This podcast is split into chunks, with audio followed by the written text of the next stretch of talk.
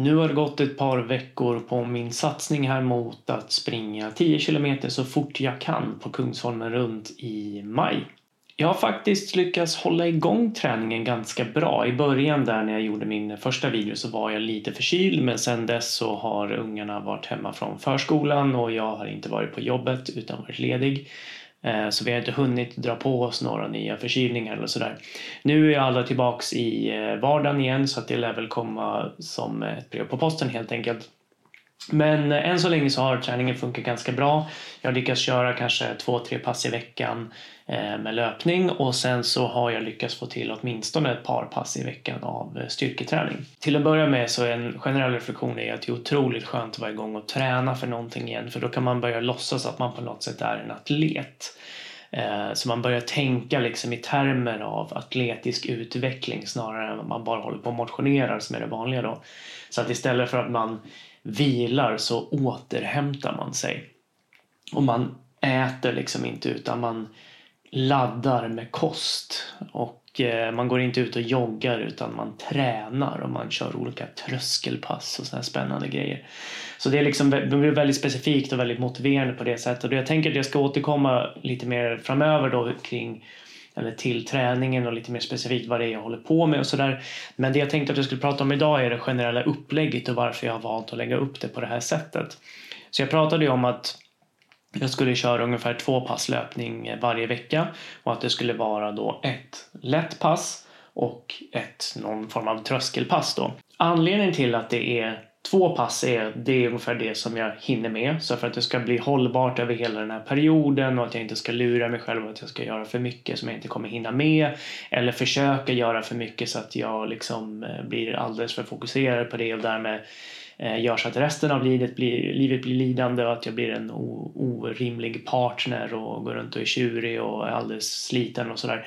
Så blir det liksom två pass i veckan som jag kan sikta på och sen så allt utöver det är en bonus. Och då kan man ju då tänka vilket upplägg man ska ha på de här passen. Någonting som jag har pratat om väldigt mycket tidigare, någonting som är väldigt utbrett och populärt inom konditionsidrott är ett polariserat träningsupplägg. Det innebär då alltså att man har väldigt mycket lätt träning, ungefär 80% som är lätt träning och sen då väldigt lite eller ingen alls medelintensiv träning och sen ungefär 20% högintensiv träning. Och det här är då över en viss period, så till exempel över en vecka eller över en månad eller någon form av cykel sådär.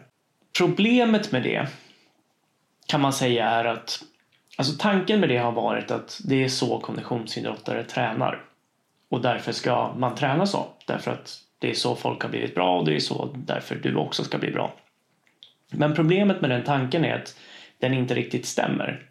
Så det har varit en debatt i den vetenskapliga litteraturen här över det gångna året om huruvida polariserad träning faktiskt är optimalt för konditionsidrottare. Och en grej som man kan ifrågasätta hela den tanken med det är att konditionsidrottare faktiskt inte alltid tränar polariserat. Så när man tidigare har använt sig av olika verktyg för att beskriva hur idrottare tränar så har man liksom sagt att okej, okay, de här tränar polariserat. Men om man gör andra analyser eller om man tittar på det på ett annat sätt så kan man se att nej, men det här skulle lika gärna kunna beskrivas som ett pyramidalt upplägg. Alltså att man har mest lågintensiv, sen så kommer en hel del medelintensivt och sen väldigt lite högintensiv träning. Eh, eller någon annan form av upplägg. Och det här beror ganska mycket på dels då att hur räknar man hur mycket liksom, volym som läggs ner i de olika zonerna. Räknar du tid, alltså i minuter? Räknar du sträcka, alltså till exempel kilometer? Eller räknar du antalet pass eller sådär? Så om du räknar på de olika sätten så kan det bli väldigt olika fördelning av hur mycket tid du lägger ner i olika zoner, hur mycket distans du lägger ner eller hur många pass som kan räknas vara det ena eller det andra beroende på hur du tränar. Då. En annan grej är hur kvantifierar du intensiteten? Använder du dig av någon form av objektivt mått? Till exempel inom cykling använder man sig av effekt. Inom löpning så finns det effektmätare. De fungerar inte riktigt lika bra och dessutom så är det så att eh, hastighet nästan i princip eh, beskriver intensitet lika bra som effekt.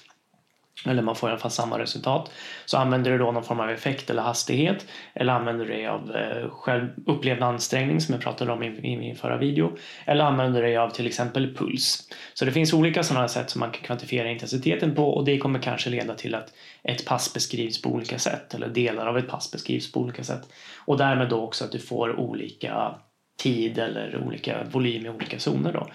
Så det blir väldigt svårt att säga exakt vad som eh, är eller hur ett träningsupplägg ska beskrivas på bästa sätt.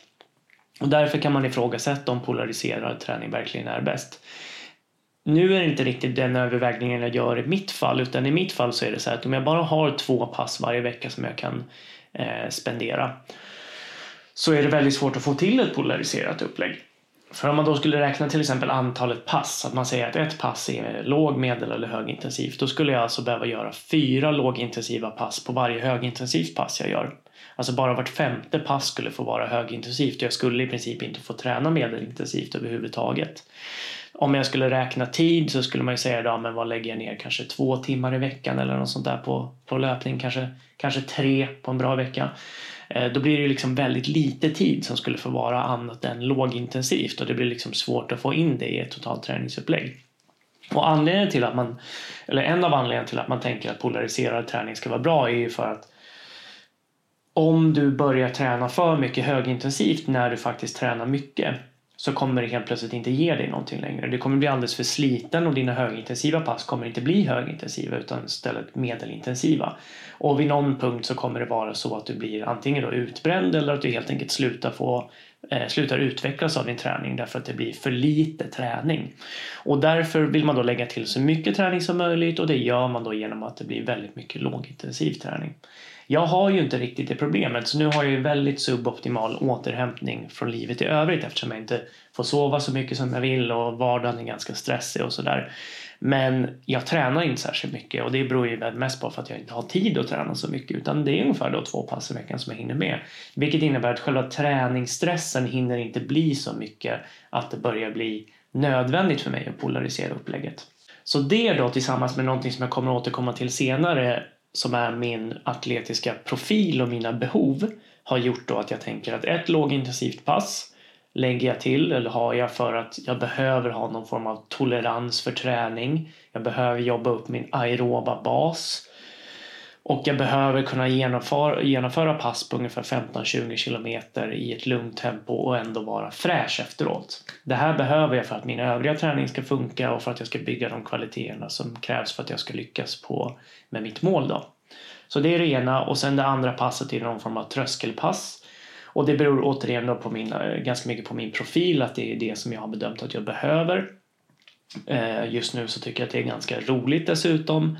Eh, och det är någonting som jag kan få till på ett bra sätt utan att det blir för krångligt så här års när det är mörkt och kallt ute och sådär. Så det är de två passen som jag kör. Om det blir ett extra pass till då funkar det inte att lägga till någonting högintensivt utan då blir det ett, ett lågintensivt pass till. Så häromdagen så var jag till exempel ute och sprang bara i en, en halvtimme i ett väldigt, väldigt lugnt tempo och det fick vara det tredje träningspasset då. Så det är de två till tre träningspassen som jag gör. Eh, de det upplägget har jag valt utifrån mina egna förutsättningar och jag kommer återkomma till det men en väldigt stor del av det är att jag har liksom inte sådana begränsningar som gör att jag måste polarisera träningen utan jag kan lägga upp det på det här sättet och därmed få ut så mycket som möjligt av den tiden. Så det var det hela. Det är, känns väldigt skönt att vara igång med någon form av eh, satsning här som sagt och eh, jag har till och med gjort så att jag har planerat in ett extra lopp precis innan Kungsholmen runt så det kommer bli Bålsta stadslopp som jag ska försöka springa i april. Eh, det blir ett väldigt bra genrep inför loppet i maj då. Eh, så att om, eh, om jag inte blir sjuk eller någonting skiter sig så blir det två lopp där under våren och eh, det känns riktigt kul att vara igång med det. Det var allt för idag. Vi hörs och ses när vi gör det.